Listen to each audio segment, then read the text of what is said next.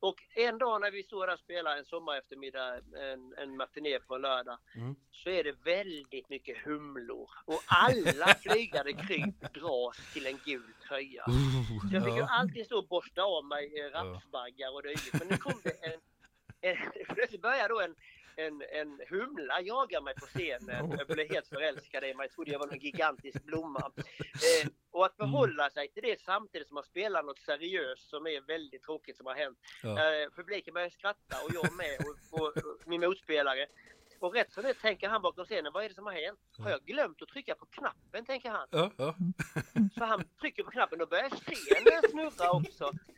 Så då sa jag ju liksom, jaha, där gick den igång också. Allt folk skrattade i bänkarna så det var ju helt galet. Aha, aha, podcast.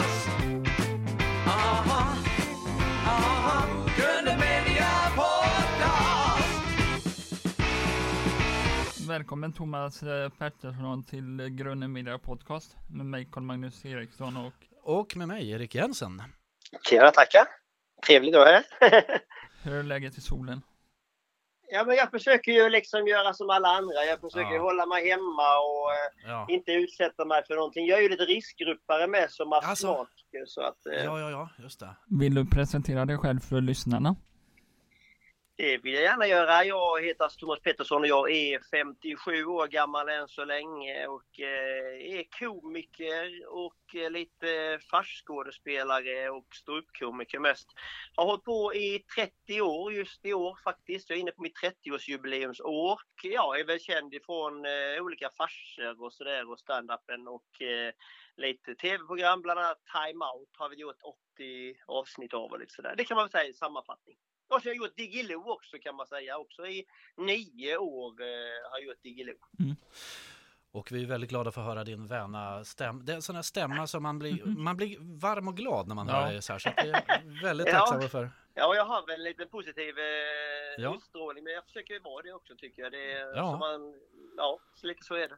Det är vår bild av dig så. Eh, ja. hur är det nu Sören med det positiva i coronatider? Jo, men det är ju samma sak Mm. det på något vis. Jag läser liksom hela tiden media, Mm. eh, eh, målar hela tiden upp tråkiga bilder. De skrev Mm. eh, liksom varje dag så kommer det negativa saker. Man måste kunna se positiva också. När Mm. de skriver ja, men det här kan hålla på i fem år med corona. Ja, tänker jag, eller inte.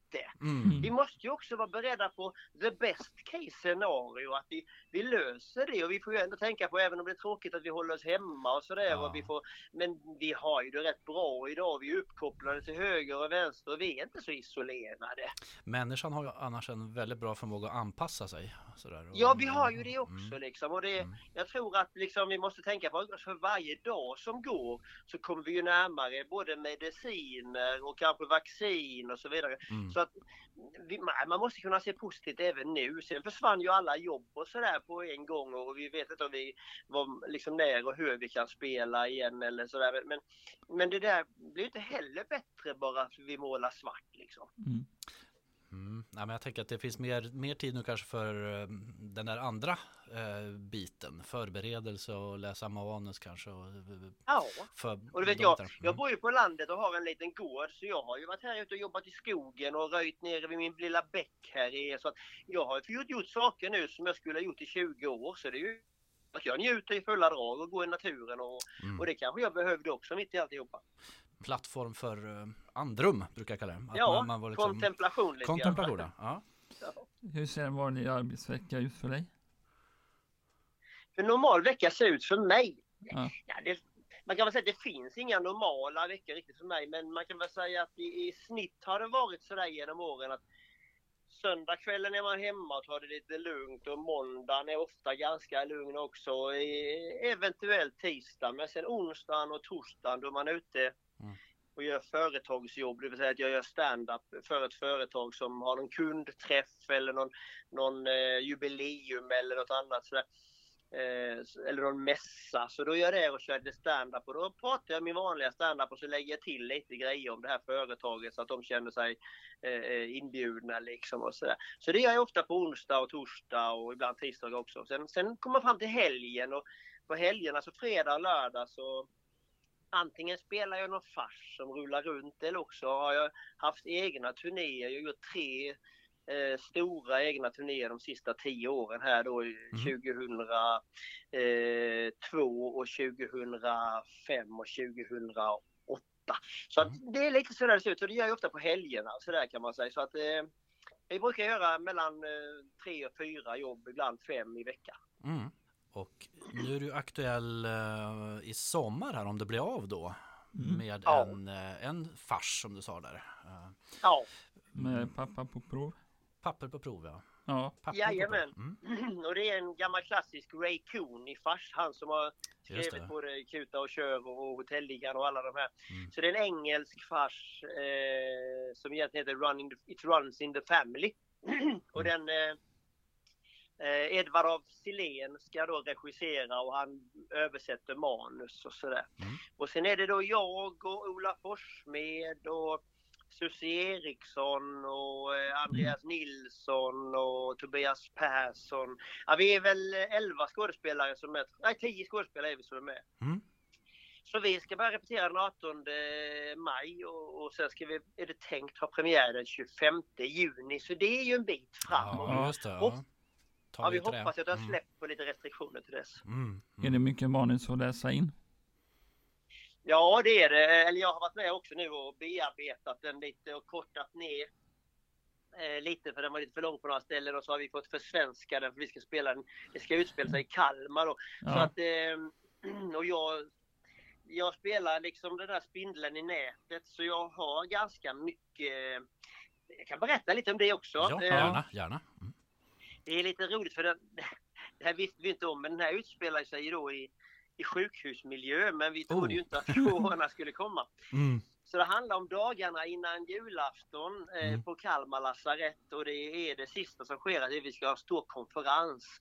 Mm. Så det kommer alltså läkare från hela Sverige till Kalmar och ska lyssna på en, en ett, ja, ha en konferens. Och då ska jag då som är Lennart Ljung Mm. som är läkare, jag ska hålla jag ska hålla inledningsföredraget så det är himla viktigt för mig för det här kan ge en fjä- fjäder i hatten och det det. kan göra att Mm. jag kanske till och med blir överläkare på min avdelning. Så det här är en väldigt viktig sak och, och Mm. eh, sjukhusdirektören springer där och håller koll på mig och jag övar på mitt tal eh, samtidigt som eh, eh, Tobias Persson och, och några till då, eh, Ola Forssmed, de, de håller på också att förbereda julens julspel, en liten ploj vi gör för våra patienter innan jul. Och när jag går och övar på detta och min fru är där och ska hålla reda på mig, vilket också är min fru Anna-Karin Palmgren på riktigt. Aha, okej. Eh. Kul. Mm. Hon ska också vara med om det här Mm. stora och, och mitt i detta så dyker det upp en gammal kollega, en sköterska som jobbade på sjukhuset för 18 år och ja, nästan 9 månader sedan. Så Mm. hon kommer och berättar att jag har ju en son, hon slutar direkt efter och Mm. han har fyllt 18 år nu Mm. och han vet om, han har fått reda på nu att det är en läkare på Kalmar lasarett som är pappan och det är han där och ska ta reda på. Han är vansinnig för nu ska han leta upp sin pappa. Ja, ja, Eh, och jag måste ju då skjuta det här framför mig och ljuga mig loss runt, runt detta. Ja. I alla fall de två timmarna så jag kan hålla mitt föredrag så det klarar sig. Och det blir hiskelig röra och sen är Susie Eriksson en, en, en, eh, förvirrad, utstressad sjuksköterska som håller på att få nervsammanbrott och eh, eh, alla springer ut och in och polisen är där och undrar vad som har hänt. Ja, det är en hiskelig röra. Ja, det låter ju som upplagt för eh, klassisk fars där alltså. Och, Ja, och lite lokal förankring också. Det, det är Kalmar som har varit din hemmascen där några somrar va? Ja, Eh, eller där du har Robert spelat i alla fall. spela, Robert Gustafsson började spela teater där ju och Ja, sen efter, några Mm. år, efter tre år så kände han att jag kan inte göra varje år. Mm. Så sen bjöd han in mig med mitt gäng. Så sen har jag varit där kan man säga vartannat år. Så Mm. Mm. det är mitt femte år nu utav 13 möjliga tror jag eller vad det är. Mm. Du pratar om sj- sjukhusmiljön här. Det känns ju som upplagt för lite aktuella referenser. Jag vet inte hur mycket man, man vet inte Ja. man, hur läget ligger där. Nej. Kan man skämta? Man måste kunna skämta i allvarliga stunder också naturligtvis. Men eh, så här. Ja, Har ni pratat om vi, det? Mm. Ja, vi har pratat om det men vi sa Mm. vi avvaktar lite. Vi har ju en hel hög eh, skämt men, men för man kan kanske inte skämta om sjukdomen men man kan skämta i våra förhållande till sjukdomen. För Mm. vi är ju roliga. Vi gör ju roliga saker i förhållande till den här sjukdomen tydligen. För Mm. som jag säger, eh, i Stockholm så börjar de hamstra hushållspapper, eller skithuspapper. Just det. Så de vill ha toapapper. Och jag tyckte det var bättre jag frös in bröd. För jag tycker det är bättre att ha bröd hemma när det kniper än toapapper. För man kan ju torka sig i arslet med en brödkaka men man kan inte äta på yrkespassen. just det. Just det. Man får kassera brödet sen bara kanske.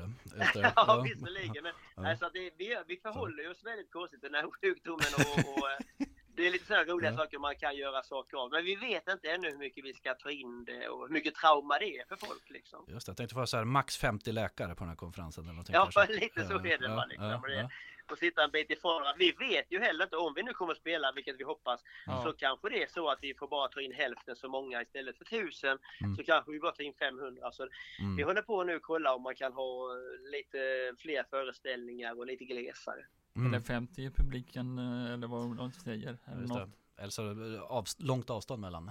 Visst, Ja, Ja, kanske. Ja, man kan ha 500 istället för 1000 och så Mm. då eh, sätta dem lite glesare så att man får, får in 500 men ändå att de inte är alldeles inpå varandra. Vi får väl se vad, vad restriktionerna gäller när vi kommer fram i juni. Där. Mm. Vissa är ju sådana livesändningar, vad tycker du om det? Sända live istället. Sen, Vissa sänder ju live, vad tycker du om det? Ja men det är väl trevligt att sända live. Det är, alldeles utmärkt. Jag gillar ju jag gillar ju mer när det är live och när allting händer på en gång. Jag är ju en utpräglad liveartist kan man säga. mm. Mm. Ja, det är den här responsen från publiken som saknas då. Om, man- Ja. om man gör Ja. sådana grejer. Man får ju reda på direkt om det var roligt eller inte och det är ju det som är härligt. Va, vad kännetecknar en bra fars? jag tycker ju det ska vara sådär alltså.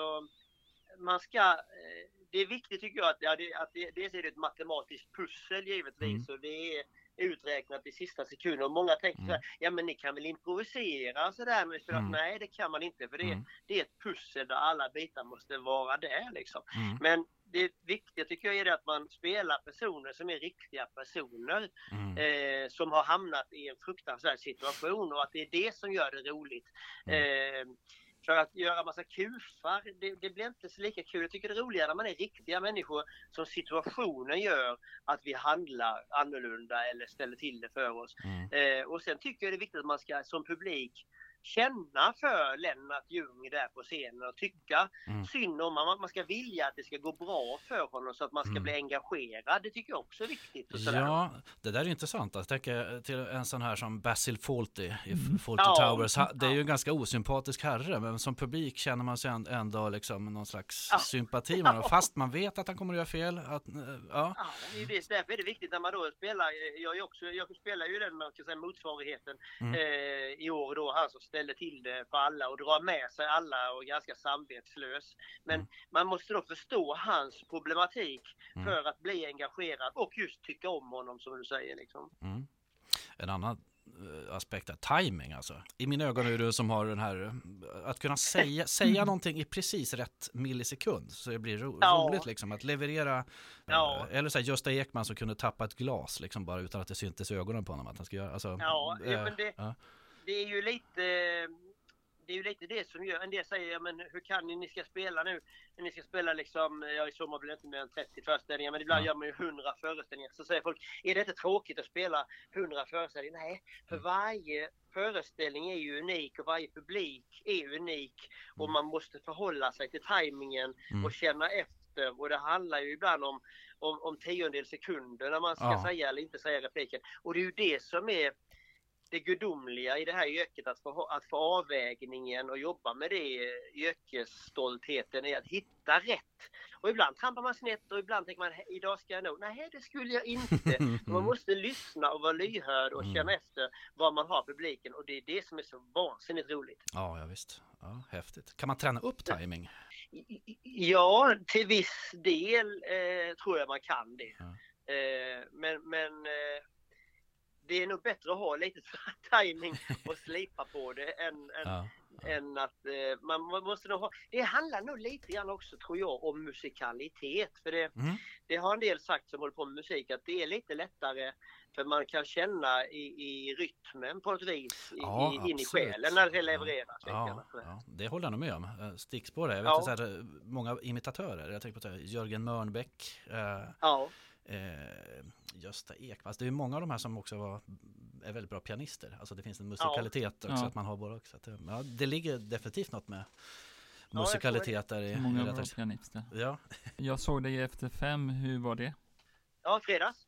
Ja, Jo, det var trevligt. Det- Det var samma sak där. Jag hade fått en fråga om att göra det här efter fem och jag hade ju sagt ja och sen kom nu Corona så så Okej, vi gör så här sa jag. Jag vill inte sitta på ett tåg eh, hela eftermiddagen ihop med en massa folk som sitter och hostar och lever. Så att Mm. Jag vill heller inte komma fram till Stockholm och ta en taxi, hoppa in och åka. Utan jag gör så här att jag körde från Halmstad klockan 10 på morgonen och så körde jag upp till Stockholm och så var jag där klockan 3, sen gick, eller ja, kvart i fyra. Sen gick jag in på TV, satt ensam. Gick jag in på TV klockan Mm. kvart i fem och så Mm. gjorde jag det programmet, gick ut klockan kvart över sex och körde tillbaka. Så det tog 13 timmar att göra 10 minuter TV. Men jag slapp ju utsätta mig för Corona, jag slapp, slapp utsätta mig för folk mer än jag behövde. Så det fungerade bra annars och det var trevligt och, och, och eh, Anna Brolin är ju jättebra. Så Ja. att, eh, Ja, det var trevligt. ja, just det. Och resan. Man får Vad säga bra. så, det är resan som, vägen som är det viktiga. Ja. Men det är ju det va, så på vägen upp, jag hade inte ens radion på. Jag satt för mig själv och, och, Ja. och njöt av vädret och vägen och, och bara filosoferat mig själv. Vad är det bästa du har gjort? Ja, om jag kunde säga det kan man säga. Om jag kunde säga det.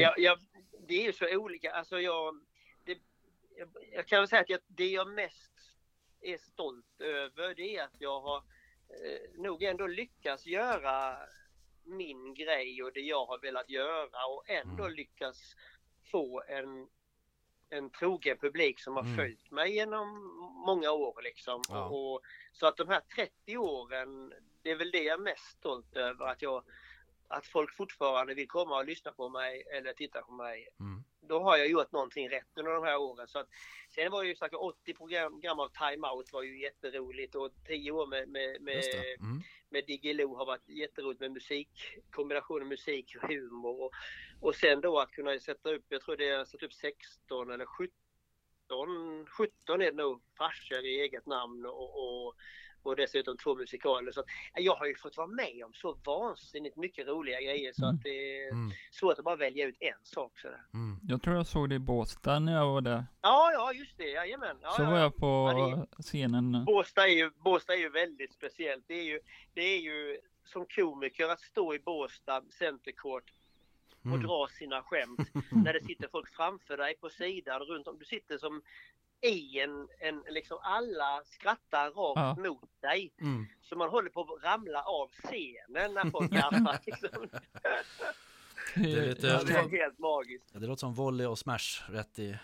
Ja, Ja, ja, ja. det är verkligen det. Så det är, Som som ja, det är något alldeles enormt faktiskt. Det är fantastiskt. Hur känns det när det är så mycket publik runt omkring och så drar massa skämt? Ja, det, alltså det här året med Diggiloo var ju ett av de Ja. största rekordåren vad det gäller publik. Så att jag tror vi slog publikruncher på alla ställen. Till och med i Båstad var det så att de här tårtbitarna på sidorna längst fram där det står mycket begränsad sikt Mm. som vi inte Mm. säljer, de gick ju åt allihopa. Så folk brydde sig inte om. Vi sa det, vi måste gå längre fram på scenen så att de ser lite av oss i alla fall. Men, nej, det var ju en makalös succé i somras. Ja, ja, vad härligt. Alltså det, är- det är 30 år här med eh, Ja. mycket i bagaget nu då. Alltså, mina första minnen av dig, det var i Släng dig i brunnen. Alltså den första Ja. ja. stå upp vågen. Då Adde Malmberg, Janne Bylund och, och du då. Hur, hur kom du in på stå upp-banan? Nej, jag hade spelat lite amatörteater i, Mm. i fyra, fem år innan dess.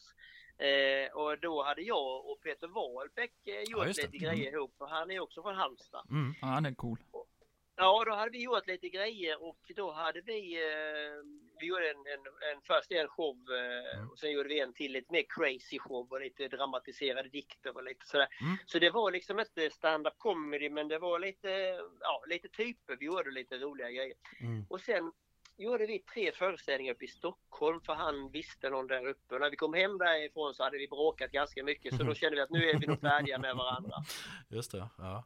Och då, gick det, då var det så att då ringde de till Peter och sa att "Du, vi såg dig, du måste göra stand-up comedy. Ja. Så då gjorde han det sen 88 på, eller 89 på våren där. Eh, och så ringde han mig, ska du inte prova också? Nej, sa jag, det räcker, jag, jag är nöjd. Mm, Liksom. mm, Ja men det, det passar nog dig också, sa han. Så han, Mm. han övertalade mig lite att prova i oktober 89 då. Och jag, Mm. jag tänkte så här, det är ju ingenting för mig stand-up. Det, det, är inte, det ska ofta vara fräckt och det ska vara mycket svordomar. Det ska vara mycket Mm. Nej, och då får man ju skämmas för mormor och morfar liksom. Och nej, det där kan jag inte göra. Men så började jag tänka att jag hade ju jobbat på slakteriet en gång i tiden Mm. eh, som sommarjobbare och där träffade jag ju mycket konstiga människor som, som var härliga, som jag lärde mig älska liksom, Ja. eh, original som man Ja. sa på den tiden. Och jag tänkte att jag skulle kunna berätta, så jag började fundera under veckan där vad jag skulle kunna prata om och berätta om roliga människor jag mött och roliga situationer jag hamnat i. Så när väl den där veckan hade gått, ja, det var en, en, en torsdag tror jag, så åkte jag in och, och, och gjorde detta. Eller så sa jag till Peter, jag tror ändå jag kan försöka. Så jag Mm. gjorde fem minuter. Mm. Och då, sen gick jag tillbaka till mitt jobb dagen efter och det här var ju fantastiskt. Adde Malmberg såg mig första kvällen. Och, Mm. sådär. Mm. Och han sa, du jag måste ha ditt telefonnummer. Jag tänkte, driver han med mig? Ja, han är ironisk tänkte jag. Så jag gick bara därifrån då efter mina, Mm. när det var slut på kvällen då. Mm. Och han kom ut och skrek, hörde du inte vad jag sa? Jag måste ha ditt telefonnummer, du är fantastisk. Ja. ja. Jag fattar ingenting så jag gav han numret då. Har du jobb? sa han. Ja, jag jobbar som mekaniker. Mm. Ja, då får jag numret dit också. Så fick han det och sen dagen efter tänkte jag wow vilken häftig grej att få vara rolig i fem minuter eller sju Mm. minuter blev det nog. Mm.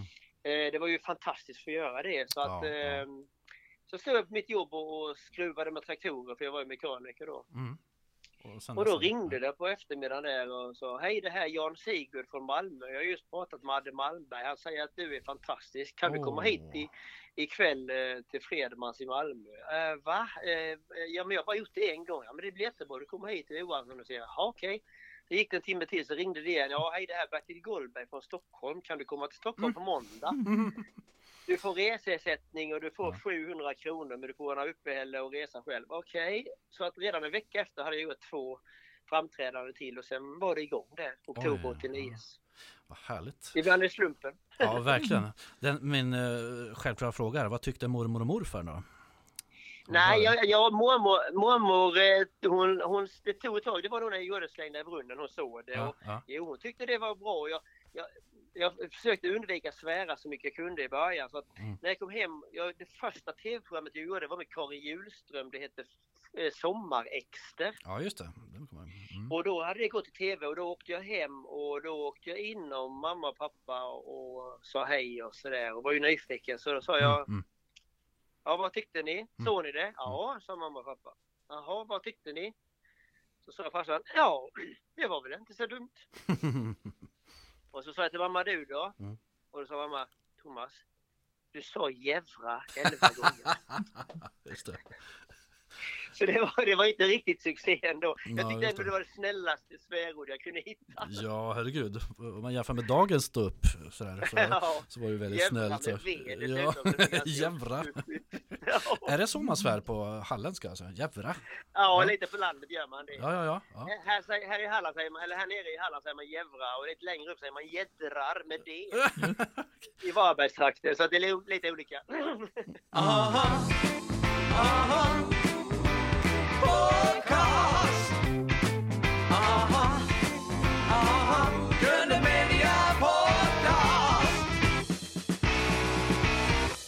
Peter Wahlbeck har ju målat tavlor. Har du också funderat på att måla tavlor?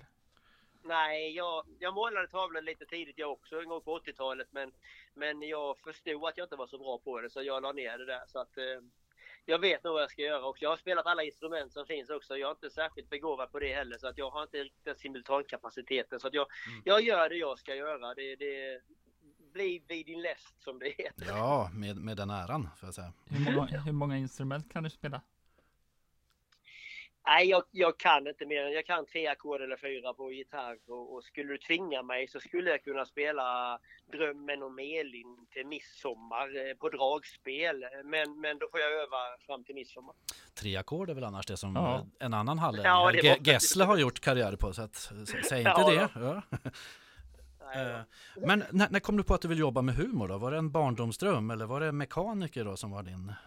Nej, alltså det, men det fanns ju inte att man skulle Ja. kunna bli... Eh, att jobba med humor, det kunde man ju liksom inte drömma om. Så det fanns inte ens med. Jag vet att när jag var liten så gillade jag Nils Poppe och jag gillade Mm. eh, Sten-Åke Cederhök och sådär och de där Mm. som drog vitsar på TV lite grann. Så. Mm. så att, visst, det tyckte jag var roligt. Jag, jag berättade eller har berättat vitsar redan som barn och sådär liksom. Men Mm.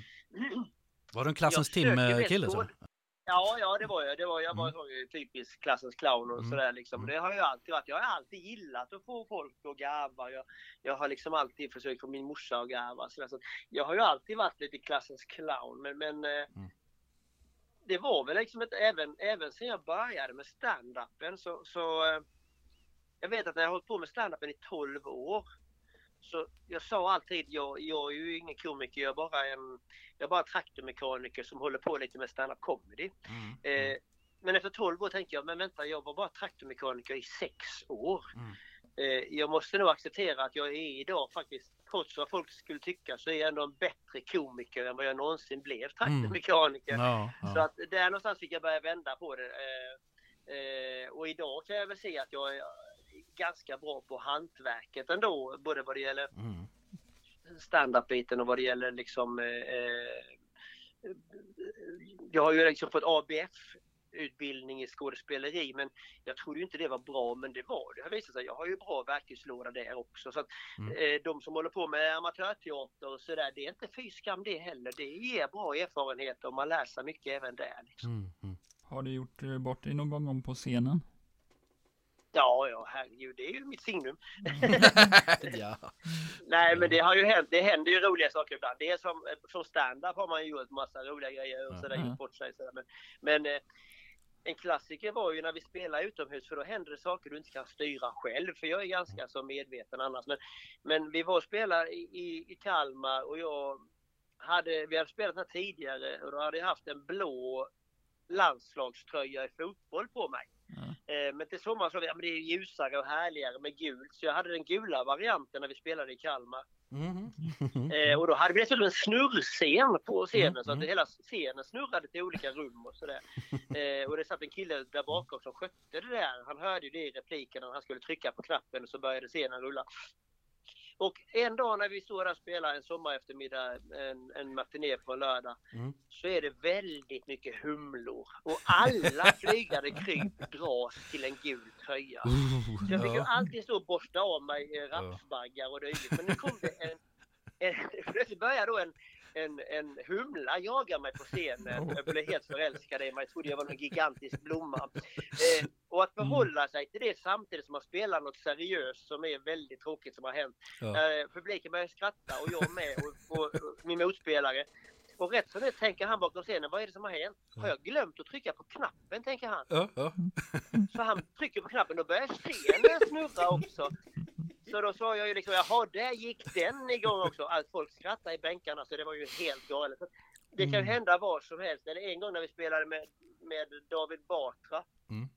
Då kom det en stor mås flygande förbi som det gör ofta i Kalmar. Och den la en sån jäkla bladda rätt på scenen. Alltså smack sa det bara. Så låg det en stor fågelskit på scenen. Ja, ja. Och jag ser ju i ögonen på David att han ser detta och han spelar mot mig. Ja. Och jag ser ju hur han tänker, aj, just där skall jag om fem minuter ramla.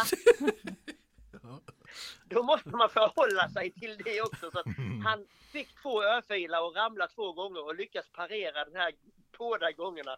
Så att nej, det händer mycket roliga saker. Det är fantastiskt med det där lilla oväntade som ger lite extra nerv.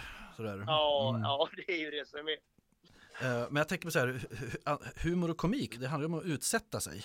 Eh, Jag tänker risken att man står där på scenen och så skrattar inte folk. Har du sådana tankar ibland och hur hanterar du det? Nej, man hade väl det mer i början Mm. tror jag. Liksom, sådär. Ehm, jag menar, har man hållit på så länge som jag har gjort så har man ju så pass många skämt som Mm. funkar. Så att även om man har något som inte funkar så går man vidare och sen det tar ju bara, en, ja, det tar bara liksom 10 sekunder så är man inne på nästa skämt. Så Mm. folk glömmer ju direkt om någonting inte funkade. Det är Mm. mer man själv som tänker, nej det gick inte så bra som jag trodde. Liksom. Men, Mm. men just det där att det skulle bli helt tyst och pinsamt, det händer ju liksom inte längre Mm. man är på ställen när det är trögare eller de är för fulla eller det är för sent eller det är för mörkt. Alltså det finns ju olika sådana när man gör företagsjobb som inte är Mm. alldeles ens eget favoritjobb. Men, Mm. men annars vet ju folk ofta vem jag är och vad jag står för. Så att Mm. Mm. de vet, de fattar skämten och de fattar vad jag vill med skämten. Så att det är inte sådär att man behöver ha ångest eh, direkt över oj kommer det här funka eller inte. Mm. Har du någon gång blivit starstruck? Starstruck Ja. Ja, ja, ja. vet, jag har ju fått jobba med många av mina idoler liksom kan man Mm. säga. Så att jag menar, Mm. Jag menar, jag gjorde ju en fars tillsammans med Lasse Brandeby och Åh, Kurt. Olsson var ju min Ja. stora idol liksom Ja, innan jag slog igenom. Så att, jag gjorde liksom 80 föreställningar med Lasse Brandeby och, och vi skrattar och blir sådana vänner. Vi skrattar och skrattar. Och ändå fick jag någonstans nypa mig i armen att jag står här med, med Sven och jag har jobbat med Ulla Skog och jag har jobbat med liksom ja. Mm. eh, Sven Melander. eh, Melander Mm, och, mm. alltså, och Eva Rydberg. Så jag har ju fått jobba med så många så jag har ju jag har ju alltid varit liv, eller livrädd, men jag har varit försiktig med att drömma för mycket. Men jag kan ju nu konstatera, konst- konstatera efter ett 30 år att jag har ju verkligen levt min dröm liksom. Mm. Jag tänker mig att Lasse Brandeby, eh, känns Ja. som han kanske hade lite samma inställning också. Alltså väldigt ödmjuk Ja. herre om jag förstått. Eh, Ja, Inga... alltså vi hade så roligt. Jag Mm, gjorde ett tv-program sen också med Lasse innan han gick Mm, bort. mm. Eh, där han skulle vara åk, eh, anklagad. Det, det var Högsta domstolen hette det programmet tror jag. Mm, just och då det. skulle Ja. han vara Mm. anklagad för att han inte kom ihåg sina repliker. Mm. Och det var ju det som jag sa, anklagad för. Det Mm. har ju varit hans signum i Ja. 30 år. För han kom ju aldrig ihåg vad han skulle säga eller vad det var. Men Nej. vi, man skrattar ju så gott ändå för det var så mycket hjärta och, och Ja, kärlek. han räddar ju alltid det där liksom. Var det han, Ja. var det han Kurt Olsson? Kurt Olsson ja, Kurt Olsson. Var det Ja. han som satt, Ja. i, var det han som satt i vita soffan där på motorvägen? Jajamän. Jajamän. Jajamän. Du räknar ju upp en hel radda med folk som vi har sagt att den ska vi intervjua, den ska vi intervjua. Eh, Så, Ja. ja, så det, tack för påminnelsen där. Vi vill, Ja. vi vill ju prata Ja. med Sven Melander och Eva Rydberg och de här. Vilken kändis Ja. skulle du ta med dig på en öde ö då? Ja, ja. Nu levande, vem skulle jag ta med mig? Nej, det vet jag inte.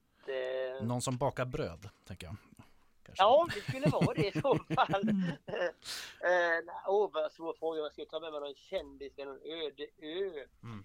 Eh, ja, den var, den var inte lätt. Den var inte lätt. Du kan få fundera med. på den lite då. Så här. Ja, jag gör det. Ja, Har du något du retar dig på? Jag retar mig lite på folk som inte blinkar i trafiken. Mm. just det. Det tycker jag, jag tycker man måste tänka på Mm. att man ska behandla andra som man själv vill bli behandlad i trafiken. Så det är lite sånt jag retar mig på. Mm. Och sen retar jag mig på att eh, alldeles för många i vårt samhälle idag eh, räknar med att allting är svart eller vitt och därför Mm. är det så mycket hat hit och dit och alla tycker si eller så. Mm. Och ofta har de fel bägge två eller rätt bägge två för det är någonstans mittemellan. Ja, det är de Eh, där men- mm, raka Men lösningarna liksom samhället. tidningarna, Mm. alla tidningar, alla, alla Mm. ska det vara. Det ska vara svart eller vitt och det ska vara stora rubriker. Och, Mm. det där kan jag också reta mig på lite. Mm. Nej, men det är sant. Det är den här, det, nyanserna har vi Ja, ratat lite idag. Eh, och polariseringar och det Mm, här. Liksom. mm, mm. Vad lyssnar du på för musiken i Spotify just nu? Ja, just nu faktiskt. Senast jag lyssnade på var jag samlade ihop lite låtar och jag har en spellista som är låtar från en gammal film från 76 som heter American Graffiti. Mhm. Alltså Sista natt med gänget. Ja, Och det är sådana Mm. 50-talslåtar och det gillar jag att lyssna på. Så ibland lyssnar jag Mm. på det och ibland lyssnar jag på lite grann eh, jag är väl lite allätare kan man säga sådär. Jag är ju inte jättemycket för hiphop men, men eh, Mm. jag lutar nog mer åt gammal musik i alla fall. Mm. Är du en sån som har lätt för att koppla av eller går gärna på högvarv? Sådär. Har du idéer? Ja, ibland huvudet? får jag, ibland, ja lite grann men ibland Mm. tycker jag det är skönt att gå ner i skogen och, och, Mm, eh, mm, och dra ris eller köra röjsåg eller sådär och så, mm.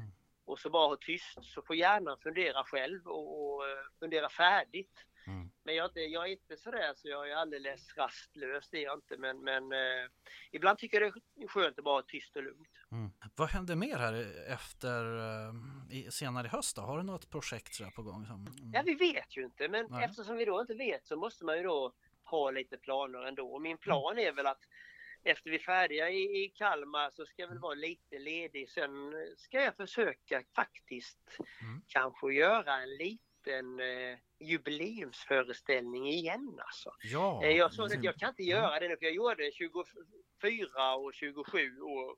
Jag gjorde, när jag hade gjort 24 år och 27 år så gjorde jag Mm. föreställningar.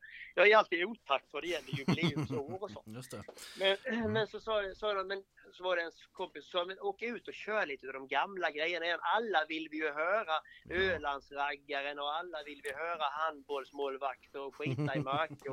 Jag har ju några hittar genom åren. Så Mm. jag planerar faktiskt att göra en, en show som ska vara 2 gånger 45 minuter. Mm.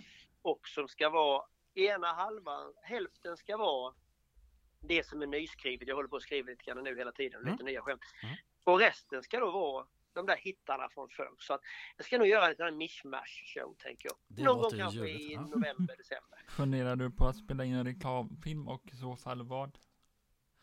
Nej, jag har inte funderat på det. Jag eh, gjorde faktiskt några reklamfilmer på 2000-talet, eller nej, det kanske var till och med på 90-talet. Bland annat för Volkswagen gjorde jag nog eh, sex, åtta filmer. Men eh, nej, jag har inte... eh, Nu är det ju många som gör det, men ett tag var det fult att göra reklamfilm så jag tackade Mm. nej till det mesta och sådär. Eh, jag gjorde också en gång för idrottens bingo, inte Bingolotto utan idrottens Mm, mm. bingo i Göteborg. Mm. Och sen åkte jag upp till Sälen och skulle jobba när det var sportlov och alla bara stod stod och skrek Bingolotto framför mig och ingen lyssnade. Eh, så där var jag väl lite vis. Jag, jag har inga planer på att göra någon reklam eh, än så länge i alla fall. Mm. För motorsåg? Det skulle vara det.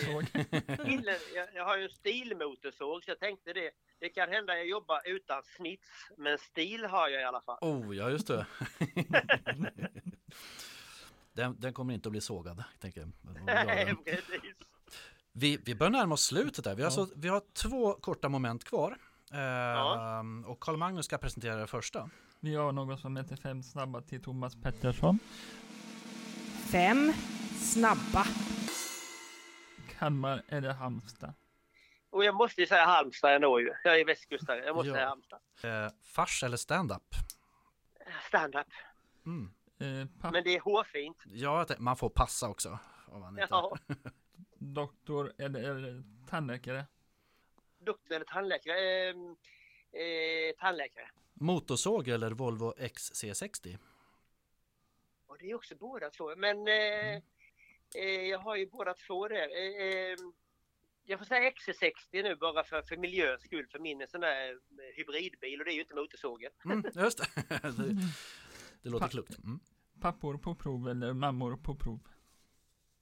Pappor på prov. Absolut. Ja, som är då eh, höstens, eh, Ja. eller sommarens och förhoppningsvis höstens också då, stora eh, farsprojekt för din del då, som produceras av Rickard Werki. Ja, Rickard Werki.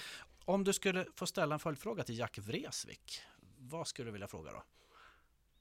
Åh, oh, då skulle jag nog säga... Jag skulle vilja fråga hur mycket han känner kärleken till sin... Eller han, hans, hans pappas kärlek. Mm. Alltså publikens kärlek till hans pappa när han står på scenen och hur Mm. det känns. Att vara älskad för att han gör det bra och för Mm. det han gör. Det Mm. kan jag fatta liksom. Men just den stoltheten och hur det känns. Det skulle jag fråga han. Hur känns det att stå där och veta eh, att publiken känner kärleken till hans pappa och hans verk? Det skulle jag fråga. Ja, ja, det är en jättebra fråga. Det är en sån fråga som man, Ja, har, man, har, man har i bakhuvudet. Vi, säger så här, hur, Ja. vi vill formulera många på det temat. tänker jag. Om du skulle ställa en fråga till Dagny Karlsson, Ah. Sveriges äldste bloggare, Mm. eh, kanske känner till.